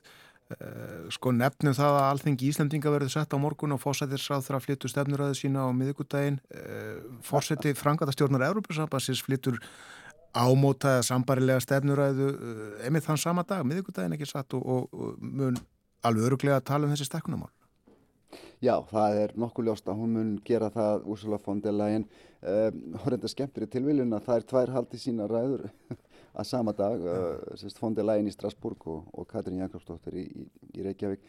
En sem sagt stjórnkjörfi ESB er að komast í ganga eftir núna í byrjun september eftir að hafa farið í dvala í ágúst eins og gerist á hverju ári. Það talaði um þessi síðustu mánagamót sem, sem hérna rentré hérna í Brussel, tíma þegar allt er að fara í ganga eftir svolítið eins og þegar skólinn er að byrja. Og eitt af því sem að markar þessi tímamót er að stefnur að frangotastjórnans sem er haldin á þessum tíma, húsilega fóndið lægin, hún verður í Strasbourg á miðugudagin og Þar flyttur hún sína arflegu stefnuröðu fram með fyrir þingmunum á Evrópuþinginu sem að reynda að sitja í Strasbourg þessa vikuna og já, það má búast við því að stækkun ESB svona á næstu árum, hún verði að þetta þema verði stór kapli í þessari eh, ræðu sem að, að fondilægin heldur. Hvaða ríki eru þar undir önnur enn Úkræna? Sko það er aðalega verið að tala um ríkin 6 á vesturhluta Balkanska, það er Serbia, Norður Magadóni, Albaníu og Svartfjöldaland sem eru reyndar með stöðu um svona ríkis og svo er það Bosnia og Herzegovina og Kosovo uh, á þessu sveiði. Svo er það náttúrulega Moldova, litla ríki mellir Rúmaníu og Ukrænu sem er líka með stöðu um svona ríkis og svo náttúrulega sjálfsögðu sérst Ukræni eins og við myndast á. Við þurfum að tala um uh, þessi stækkunamál öll sömul uh, betur síðar uh, en okkur langar að, að tala um fleira, tala um pólitík í einstökum Evrópuríkjum. Það eru kostningar, þingkostningar framöndan í nokkurum ríkjum á næstu vikum og mánuðum. Við töluðum hér á dögunum um komandi kostningar í Pólandi, mjög hörð að þar og hún er farin af stað er ekki kosið eftir rúman mánu þar með minni það. En svo eru líka uh, kostningar í Slovakíu og þær eru núna bara eftir þrjár vikur eitthvað svo leiðist, tvær þrjár vikur Já, það eru kostningar þar 30. september og það getur orðið svona mjög áhugaverðar og kannski mögulega afdrifaríkar kostningar þar. Slovakia er eitt af minni ríkjum Európusambandsins og reyndar NATO líka. Þar hefur einlega verið svona halgir stjórnarkreppa undan farin ár. Það eru fósættisráðarar og samstöpustjórnir hafa svolítið komið og farið. Eh, Svo síðasta reynda lifið ekki af tilögu um vantraust í desember í fyrra og núna stendur sem sagt til að halda kostningar 30. september og sá stjórnmálamadur sem að verist hafa mestanstuðning er maður sem heitir Robert Fico sem að áhuga fólkum eurósk stjórnmál kannski þekkir. Það var nefnilega fórsettisáþara Slovakíu 2006-2010 og síðan aftur 2012-2018 þá reyndar netist Fico til þess að segja af sér í kjölfar þess að ungur rannsóknarbladamadur Jan Kuciak og hans kærasta voru myrt eftir að Kuciak fór að rannsaka spillingu sem er talan að hafa tengst ríkistjórn Ficos og skipilaðum gleipa samtökum. Og uh, Fico þessi sem satt komin aftur? Já, hann fór nú ekki langt. Hann hefur verið frekar hávar í stjórnarhansstöðun í Slovakíu Fíko hefur alltaf verið svona svolítið þjóðniskjaldur uh, svona populisti og, og þykir reyndar að hafa fæst enn lengra til hægri undanfærin ár. Hans flokkur sem heitir Smer, hann, hann leiði núna í skoðanakonunum og það sem að veldur áhyggjum ekki síst hérna í Brussel hjá Europasambandinu og Allarsafsbandalæginu er að Fíko og hans fólk verist vera mjög á mótið því að halda áfram að styðja Úkrænu sem að núverandi stjórnvöld í Slovaki hafa reyndar gert með ráðum og dáð. Slovaki var fyrsta ríkið til þess að senda loftvarnakerfi og orustuþóttur til Ukrænu þar að segja það voru náttúrulega gömur sovjasku vopnasjálfsögðu og, og stjórnvöld í Bratislava hafa staðið einarlega við bakið á stjórnin í Kiev en, en með við orðuræðina á flokki Fíkós þá verður talsverð breyting þar á komist hann aftur til valda. Fíkó hefur líst í yfir að hann ætla að hætta vopnasendingum til Ukrænu, hann hefur fordæmt viðskipta þvinganir Evrópusambandsins gagvart rúsum og hann hefur gaggrínt NATO harlega þótt að ríki séu þetta meðlumir í báðum þessum bandalögum. Í, í þessum bandalögum þar sem að reyndar samstafa um stefnuna Gagvart Úkræn og Gagvart Rúslandi hefur verið mjög einörð og svona nánast nánast fullkominn Og hann hefur fengið talsverðan hljómgrunn í, í eh, heimalandinu þessi mál, málflötningur hans. Já, það það verðist vera. Það er stór hluti sko almennings í Slovakíu sem er tiltvölulega vinnveittur Rúslandi og það hefur alltaf verið, skilst mér sko, á svona undirleikjandi jákvæð afstæða til Rúslands í Slovaki sem á sér djúpar og, og sögulegar rætur sem ég kannu ekki alveg að útskýra. En, en þessi afstæða kemur til dæmis fram í því að aðeins 40% íbúa í Slovaki kenna rúsum um innráðsuna í Úkrænu á meðan að rétt rúmur helmingur tilur að, að innráðsin sé Úkrænu eða Vesturlöndum að kenna. Uh, Sambarileg spurning sem var tekin í sko Pólandi hún leiti í ljósa 85% almennings í, í Pólandi segir að innrásin sé rúsum að kenna.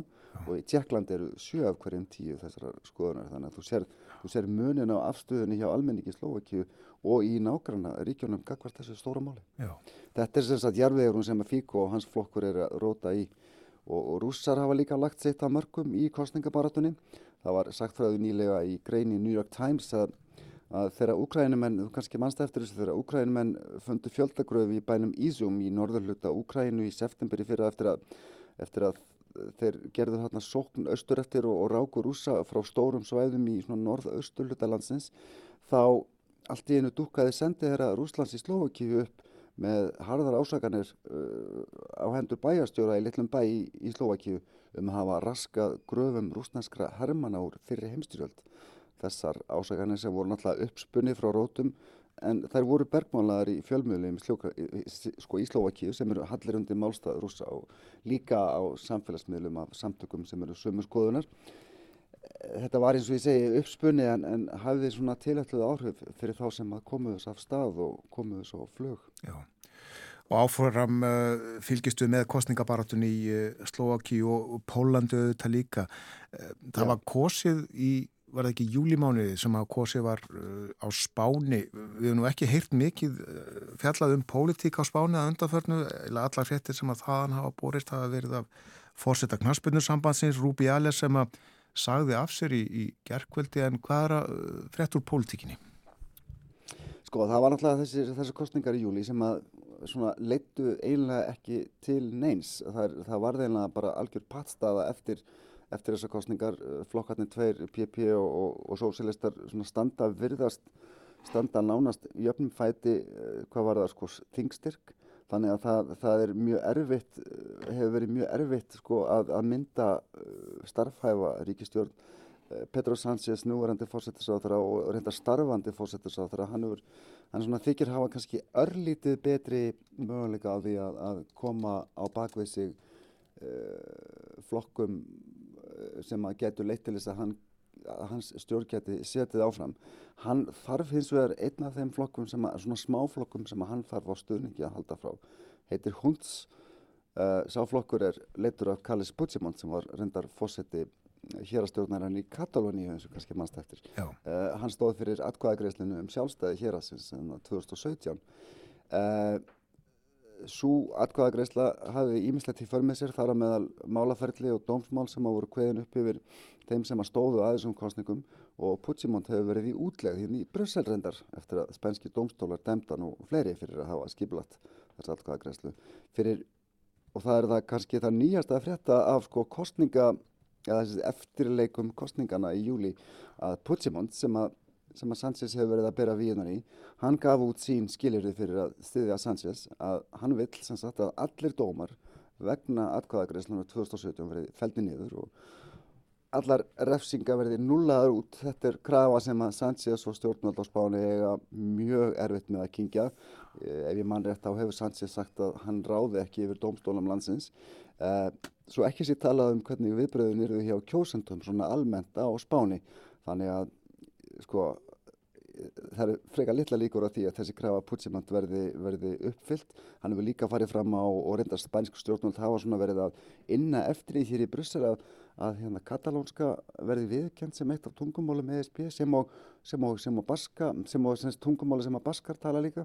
Það var eitt af, svona, eitt af því sem að litlir flokkar sem að Sanchez uh, vildi fá stöðning frá og voru að, voru að kræfjast. Það á reyndar að tala um það hérna á næstu vikum í Brussel hvort að það sé hægt að uppfætta þessar kröfur en krafa Puigdemont um, um uppgjöf Saka held ég að komist ekki á flug þannig að það er ekkert óleiklegt að við sjáum kostningar á spáni á næstu, já, mánuðum eða að segja. Já, já. Segjum þetta gott af tíðundum úr Európu. Þakkaði kellaði fyrir að vera með okkur í dag, Björn Málkvist. Takk fyrir mig. Björn Málkvist í Brussel er með okkur hér á morgunvaktinni á mándagsmórnum. Og eins og ég gatt um og fram hefur komið að uh, þá verður allþingi sett á morgun. Þingsetning með höfbundum hætti. Þingsetningar aðtöfnin hefst klukka 13.30 með Guðstjónust í Dómkirkjunni og uh, svo ganga fyltu liði ganga fyrst fyltu liði til kirkju úr alþingishúsinu, fósetti Íslands, biskup Íslands, eh, fósetti alþingis ráþarar og alþingismenn.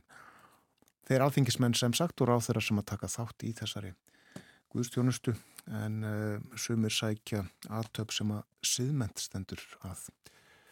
Nú og uh, þetta já verður með hefðbundum hætti á morgun þriðudag og uh, stefnur að það fósattisráþara flutt svo á miðugdagskvöld og uh, fjárlögin, fjárlögin til umfjöldunar á fymtudaginn uh, þá mun fjármálar á þeirra mæla fyrir þeim.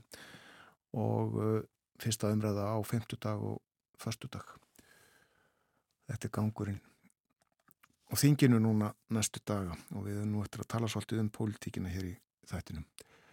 En uh, lífið er ekki bara stjórnmál uh, það er líka fótbólti og uh, Ísland leikur í kvöld á lögordalsvelli gegn Bosníu Hessegovinu fór Ítla í Luxemburg fyrir helgi en uh, þá vann Bosníu sinnleik gegn Lichtenstein en leikurinn í kvöld hefst uh, 1845 og er síndur á stöð 2 sport í beitni útsendingu.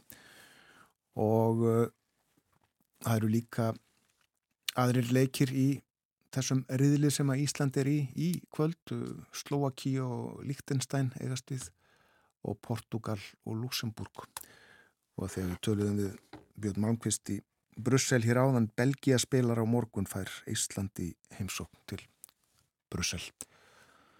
En eins og ég nefndi hér stutlega áðan að þá gerist það í gerðkvöldi að Rúbi Ales fórseti spænska knaspuninsambansins sagði af sér afskaplega umdeldur maður og uh, hefur verið þrýst á hann úr uh, öllum áttum að uh, afsala sér fórsetta ennbættinu í knaspitnum sambandinu spænska eftir þennan koss sem hann rak leikmanni spænska liðsins eftir að það varð í fótbolta í Ástralíum daginn. Og ég held að ég hefði séð það rétt að sænska fókbaltarlandslið hótaði að leika ekki gegn spáni ef uh, Rúbi Ellis væri ennþá fósetti en ljúst sá þá núna að uh, sá leikur getur farið fram.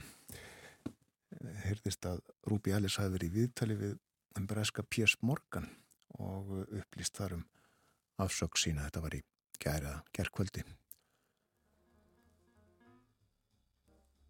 Eftir fréttaeflitið hálf nýju þá verður hér Helga Sigrun Hardardóttir hún er framkvæmdastjóri staðlaráðs Íslands. Og uh, hægt er að kaupa alls konar staðla hjá Helgu í staðlabúðinni. Og það er hægt að uh, kaupa staðla gegn uh, spillingu, mútum og fleiri. Við ætlum að heyra svolítið um þetta á eftir.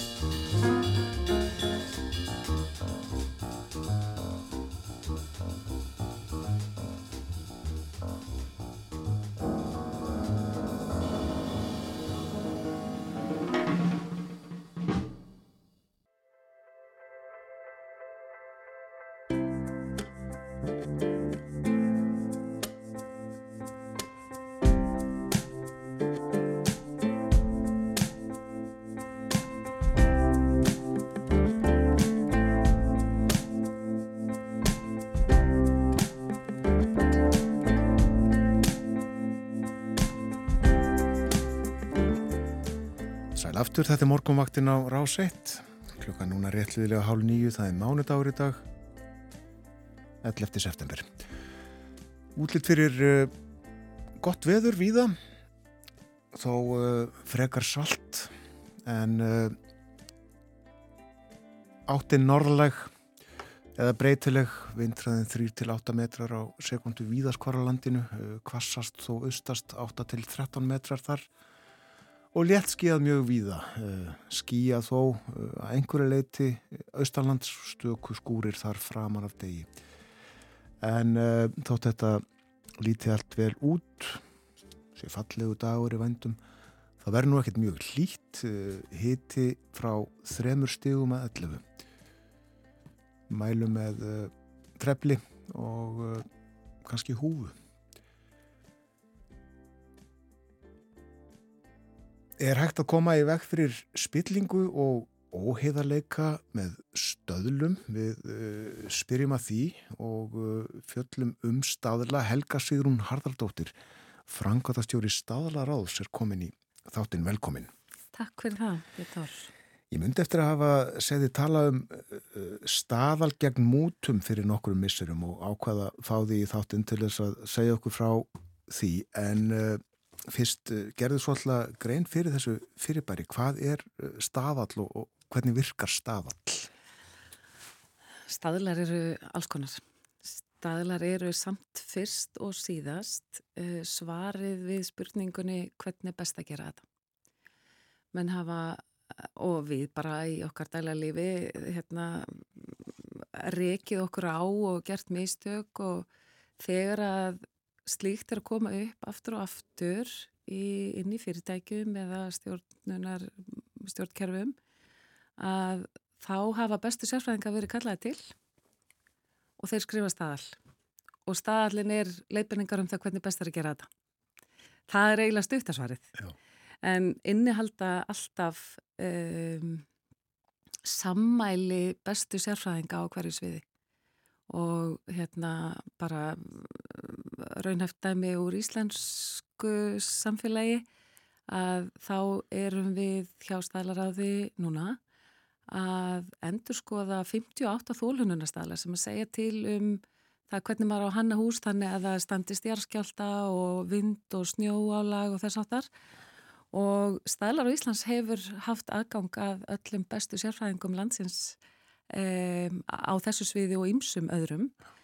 Og þeir hittast á okkar vettvangi reyndar í evrósku samhengja því það eru evróskir þólununastæla sem nú er verið að endur skoða og íslensku þjóðar viðaukana um leið að því að við gerum aðra kröfur til jæðskjálta álags heldur en eitthvað starf annar staðar í Európi þannig að hvert land skrifar sin eigin viðauka og þá hittast allir bestu sérfræðingar á þessu sviði, hvort sem umræða veist, þeir, þeir sem að kunna jæðskjáltana, þeir, þeir hittast og svo eru aðrir sem að kunna snjóálag og þeir hittast og þannig búum við til kröfur til hannunar og mannvirkjum þannig að þau standist íslenska náttúru. Já, þannig að þetta eru kröfur og, og leðbynningar um verkla og annars líkt.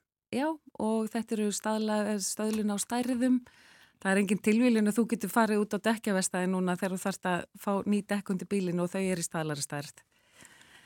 Versta dæmi um skort á stöðlun er hérna ramasinstungur og klær. Já. Það hérna okkur tókst það ekki og kerfin voru oflangt komin í þróun til þess að væri hægt að grýpa inn í. Þetta gerist á löngum tíma en þetta er, þetta er mjög gott dæmi um skort á stöðlum. Já, mér finnst líka reyndar uh, þurfa staðla nákama um uh, skrúfur. Það eru núna allt í hennu alls konar og bísnaflóknar og maður þarf alltaf að finna nýja hérna Bita. nýjan bita á skrúðjarnið er ekki torkið tork, tork. það var einfaldra einu sinni maðurstu bara stjarnar eða, eða lína. Já já, torkið kemur inn væntanlega vegna þess að menn telja að það sé heppilegra og betri lausn heldur en stjarnan og, og hérna það sem við kallum stryk þannig að, að hérna, það hefur verið þróun í þessu og stælar eru sannarlega uh, farvegur fyrir nýsköpun líka sko. að, hérna, all, það er alltaf verið að horfa og svo er það endur skoðað með regluðu millibili. Þannig að sérfræðingarnir setjast niður á 57 ára hérna, með 57 ára millibili og velta fyrir sér, er eitthvað nýtt sem við þurfum að taka stáið, þurfum að breyta staðlinum þannig að staðlar eru frábær verkværi alla jafna er þeir samt valkvæðir Emitt. og þar kristallast kannski vandin okkar sem að langar til þess að búa í góðu samfélagi þar sem að jafnaræði ríkir og, og hérna eðlileg samkeppni og þess að þar. Og allir eru heiðalegir. Og allir eru heiðalegir að hérna verkvarðin er til en viljan mandar. Segðu mig frá þessum uh, staðli gegn mútum. Já, e, þetta er stjórnunarkerfi staðall. E, Ísó eru alþjóðlega stæla samtök sem við hefum aðeldað og um, í því fælst meðal annars að íslenski sérfræðingar geta tekið sæti í tekninemdum og tekið þátt í að búa til þessa staðla og búa til viðmiðin sem er enda mjög mikilvægu farvegur fyrir íslenska hagsmunni. En þetta er stjórnunarkerfi staðall, þeir eru í grunninn uh, allir eins, þar að segja kjarnin í þeim er eins, það er sama uppbygging á þeim öllum. Um, þessi sérstaki staðall uh, er skrifaður af tekninemd sem hefur skrifað fimm, fjóra aðra staðla og gefið út sem að varða einmitt spillingu, mútur og það hvernig hægt er að koma í vekk fyrir slíkt og svo eru átta aðrir í vinslu. Þessi staðallir sagt, í þessari fimm staðlaröð sem að inniheldur leiðbenningar um stjórnun stopnana þar sem að mönnum er leiðbendum það hvernig geta uh, áhættumetireksturinn, uh, komið inn hjá sér samfélagsábyrð og búið ábyrð á góðum viðskiptháttum. Uh, svo er það þessi staðal sem hægt er að nota til að hindra mútugreislur. Það er þriði staðalinn í leiðbenningar um verndu uppljóstrara, fjóriði um innri rannsóknir á stopnunum og í samtökum og fymti um svona einhvers konar regluvörslukerfi. Og þetta er allt saman leiðbenningar og kröfur til kerfa sem að menn geta komið upp hjá sér ef þeir eru það metnaði fullir að þeir vilji gera það. Um, og í þessum staðli þá um, er líkilatrið að, að þetta er í höndum stjórnunda hverju sinni. Þeir þurfa að áhættu með þetta reksturinn þeir þurfa að koma á kerfum sem eru gagsæði þar sem að menn skilgreina hefni og aðkomi starfsmanna og skjölun ímiskonar e, og menn skilgreina hvað teljast mútur og þá fyrir maður að spyrja byrju er flugaldur mútur eða lagsveiðiferð, er hún mútur? Þannig að, að hérna, og mútur eru skilgrendar í þessum staðli og þeir eru skilgrendar þannig að mútur eru að bjóða, lofa, veita þykja eða leita eftir ótillýðilegum ávinningi af hvers konar verðmætum sem geta verið fjárhastleg eða ófjárhastleg, beintið óbeint og ántillisti staðsendingar. E, það geta verið brotagildandi lögum, e, það geta verið kvartning eða umbun fyrir einstakling sem að aðhefst eitthvað eða lætur vera að aðhafast eitthvað í tengslu við skildur sínar. Þannig að, að hérna, svo eru menn eh, í þessum stæli ef þeir ætla að koma sér upp svona kerfi að þá eru þarna leifinningar um hvernig rannsaka byrju hugsanlega mútur, e, þarna eru leifinningar um innri og ytri eh, úttektir og ríni stjórnendar sem er mjög mikilvægt að stjórnendur sé einhvern veginn e, alltaf með augun á því sem er að gerast og leifinningar um það hvernig á bregðast við og ráðast í úrbætur ef að framkoma frávik frá þeim reglum sem lektur upp með. Þannig að ábyrðin er fyrst og fremst stjórnenda og stjórnar hættir þar sem stjórnendur eru virkilega tilbúinu til að leggja í það sem þarf og það þarnast aðtikli og vinnu. Þannig að, að staðallin einn og sér, sko, það, það er ekki nóg að kaupa hann, heldur verða menna að leggja í vinnu við að koma kerfinu upp og síðan að viðhalda því og þróa það. Já, það er uh, einmitt ímislegt bannað, uh, ólöglegt, uh, reynlega lögbrótað að gera sumt og ósýðilegt svona bara þessum svona samfélagsáttmála sem við höfum hérna einhvern veginn óskráðan. En það er ekki nóg, það þarf líka uh, svona ítalega skilgreiningar og uh, verklag Skilgreiningarnar og verklægið eru í staðlunum og það eru mjög ítarlega leiðbenningar í viðauka viðan Já. og við flesta þessar staðla eru mjög góðar leiðbenningar.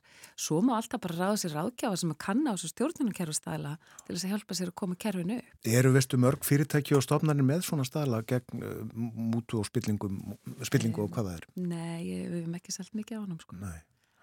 Það verður nú bara að segja þess að það er. Um, en uh, það er auðvitað hérna, einna af þessum stjórnunarkerfi stöðlum ISO eru, er almennt geðastjórnunarkerfi, það eru margir með það. Og það mér er sagt að fá vottun frá vottunastofu hér á landi sem að, hérna, og við erum nýbúin að ganga í gegnum að því að hjá stælar á Íslands er okkur gert að vera með votta geðastjórnunarkerfi þó við séum bara sjötalsins starfsmennir og það er mér sér til hérna, íslensk dæmi um votta gæðistjórnuna kerfið utan um einstakling sem var það bara að vinna í þannig verkefnum að það var að gera krafa um að hann væri með votta gæðistjórnuna kerfi þannig að, að þetta er ekki bara fyrir stórfyrirtæki. En, um, en uh, í þessu fælst þess að þú ætlar að fá vottun að þá, þá innleiður kerfið hjá þér og færð fagilt af vottunastofu til þess að koma að taka það út.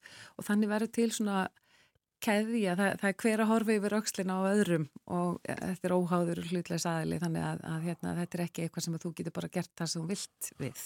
Er hort til þess í alltíðulegu viðskiptalífi svo tökum það bara uh, hvort fyrirtæki eru með uh, staðla og vottanir uh, fyrir þeim? Já.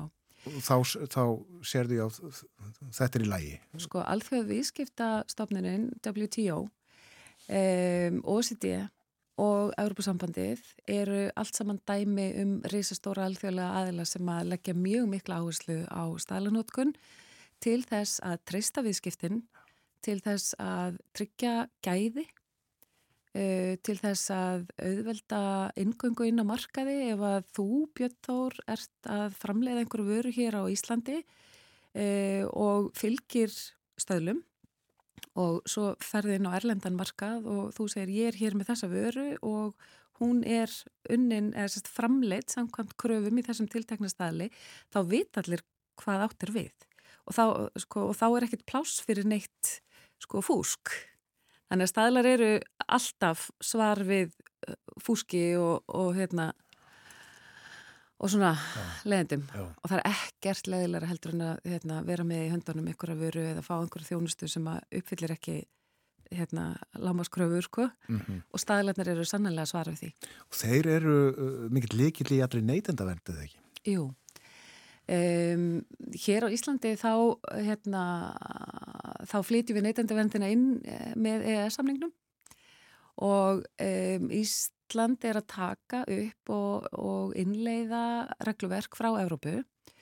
Um, það er búið innleiða hér 20 og eitthvað vöru tilskipanir sem að segja til um kröfur og öryggi og virkni, ráftækja, lækningatækja, um, leikfanga, um, mælitækja og svona 23 vöruflokkar og hérna í þessum 20 og eitthvað tilskipunum sem búið er einlega hér á landi þar eru sko rúmlega 4.000 staðlar á, á bakvið og bara í, í hérna einlegingunni á, á e, lögjöfni sem að varða ráftæki þar eru sko 1200 og eitthvað staðlar. Af því við viljum að ráftæki séu örug og þau virka með einhvern tilteknum hætti.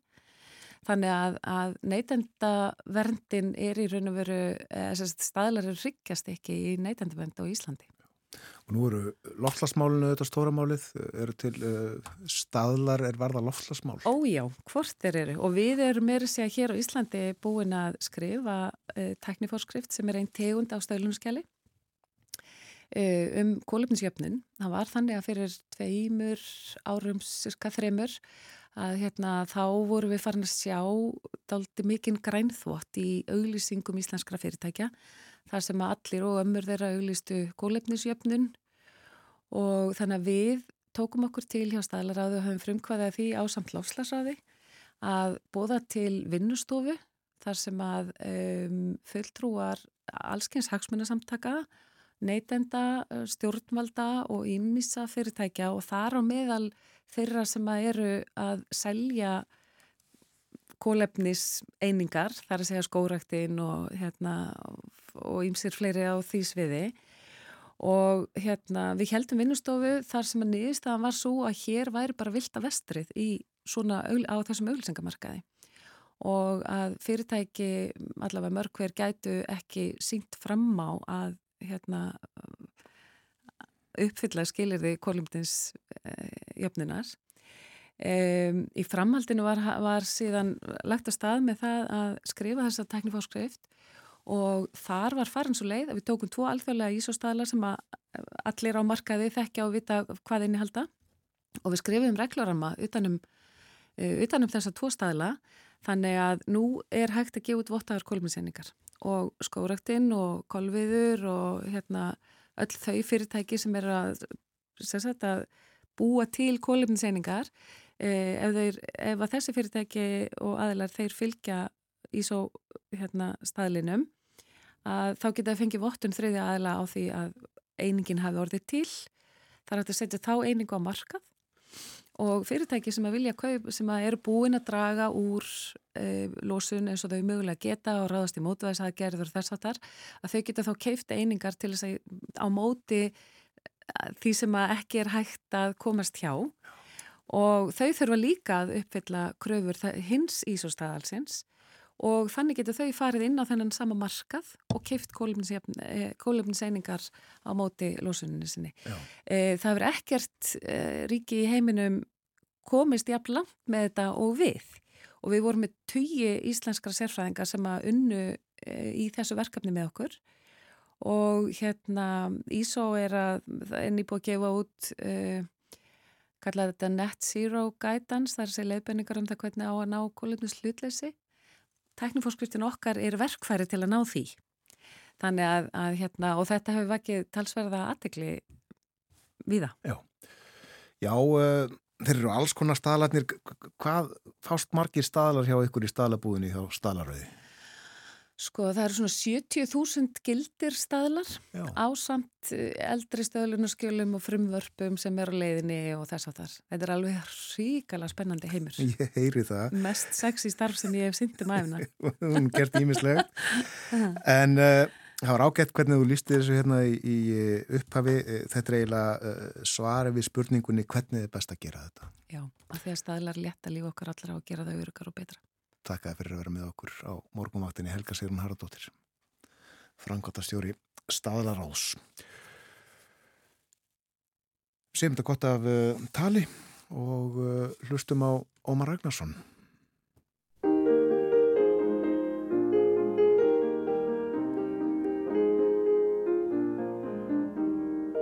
Það var einu sinni bondi sem að átti hænsna bú og ær og hest og kött og gæs og líka eina kú. En eina dimma vetrar nóttu sváföld sætt og rótt er svartur grimmur mingur lættist hangað ofur hljótt. Hænundar æftu, haninn galaði, bondi vinur vaknað þú og verðitt hænsna bú. En bondin svaf og hana greið hágrét aumingin er horðan upp á mingin elda pútu hópin sinn. En kísa litla sem að þarna kurði undir vegg. Hvert var við og rökk upp er í hausinn fjekk hún egg. Hænurnar æftu og vöktu með því kísu kísa æfti Haninn galaði bondi vinur vaknað þú og verðitt hænsna bú En bondin vaknaði ekki og haninn var nú orðin ær. Hinn ill og ljóti mingur hafði getið hænur tvær. Nú skrækti hann á bondans hjálp og rámur æfti ræs. Þá rumskaði í næsta kofa gömul sifjuð gæs. Hænundar æftu og vöktu með því kísu, kísa æfti og vakti með því gæsina, gæsin gargaði, haninn galaði, bondi vinur vaknað þú og verðitt hænsna bú. En gæsin sem að átti, unga lítinn þar, ekki leist á blikuna að hlusta á púturnar. Hún vonda mingin hrættist og veinaði um stund og vakti með því kúna sem þar tók sinn fegruna blund. Hænundar æftu og vöktu með því kísu, kísa æfti. Og vakti með því gæsina, gæsin gargaði og vakti með því kúna, kýrin baulaði, haninn galaði, bondi vinur vaknað þú og verðitt hænsna bú. Og belju greið hrættist við að heyra óhljóðin í hænunum og reynda vekja bóla mannin sinn. En bólinn sagði argur og hristi hornin sín. Hvaða bölvulæti eru þetta, kelli mig? Hænundar æftu og vöktu með því kísu, kísa æfti. Og vakti með því gæsina, gæsin gargaði. Og vakti með því kúna, kýrin baulaði. Og vakti með því bóla, bólinn rumdi. Haninn galaði, bondi vinur vaknað þú. Og verðitt hænsna bú og bólinn var mjög úrillur og bölvaði mjög hátt. Balsett læti eru þetta hér um miðjanátt. Það verður strax að stöðva þetta vilda hænu geim. Nú vek ég hundin svo ég fái svefnfrið fyrir þeim. Hænundar æftu og vöktu með því kísu, kísa æfti og vakti með því gæsina, gæsin gargaði og vakti með því kúna, kýrin baulaði og vakti með því bóla, bólinn rundi. Og vakti með því hundin, hundur gelti. Haninn galaði, bondi vinur vaknað þú og verðitt hænsna bú. Nú vaknaði loksins bondin því að hundurinn gelti hátt og hljópett út með bissuna og náði minknum brátt. Svo skaut hann minkin ljóta og gekk svo heim með hann. Og húsfreyjuna vakt og sagði Sjáðu hvað ég fann Því hænundar æftu og vöktu með því kísu, kísa eftir og vakti með því gæsina, gæsin gaggæ og vakti með því kúna, kýrin baula og vakti með því bóla, bóli rundi og vakti með því hundin, hundur gelti og vakti með því bóndan, haninn galæ bóndi saði ha ha hæ. Og bónda konan hæ hæ hæ. Nú minga pels ég fæ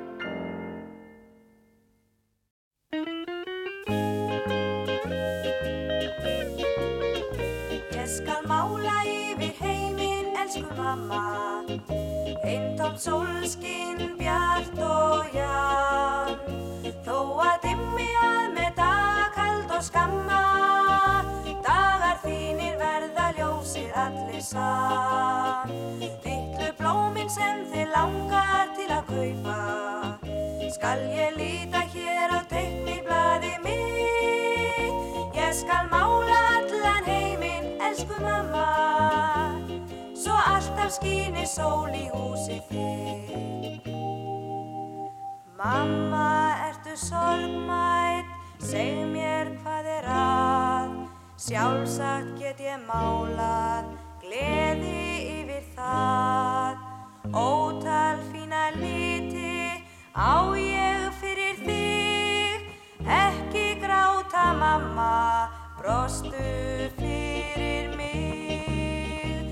Ég skal mála yfir heiminn, elsku mamma. Eintóm sólskinn, bjart og ján Þó að dimmi að með daga kald og skamma Dagar þínir verða ljósir allir sann Littlu blóminn sem þið langar til að kaupa Skal ég líta hér á teikniblaði mitt. Ég skal mála elsku mamma. Svo alltaf skýnir sól í húsi þitt Óskaðu þér mamma All sem þú vilt fá. En þá á ég líti Til hvers sem verða má. Allar heimsins stjörnur og ævintýra fjöll Óskaðu þér mamma, svo líta ég þau öll. Ég skal mála yfir heiminn, elsku mamma, eintómt solskinn, bjart og jafn. Þó að dimmi að með dagakald og skamma, dagar þínir verða ljósir allir sann. Littlu blóminn sem þið langar til að kaupa. Ég ætla að mála allan heiminn, elsku mamma, Kristín Liljendal á síðasta atriðið á morgunvaktinni þennan morgunin. Við þökkum samfélgina frá því snemmaði morgun þátturum verður á sínum staði fyrir málið. Verðið sæl og njóti dagsins. Heiminn, elsku mamma, einn tómt sólskinn, bjart og jár, þó að dimja með dag og kald og skamma.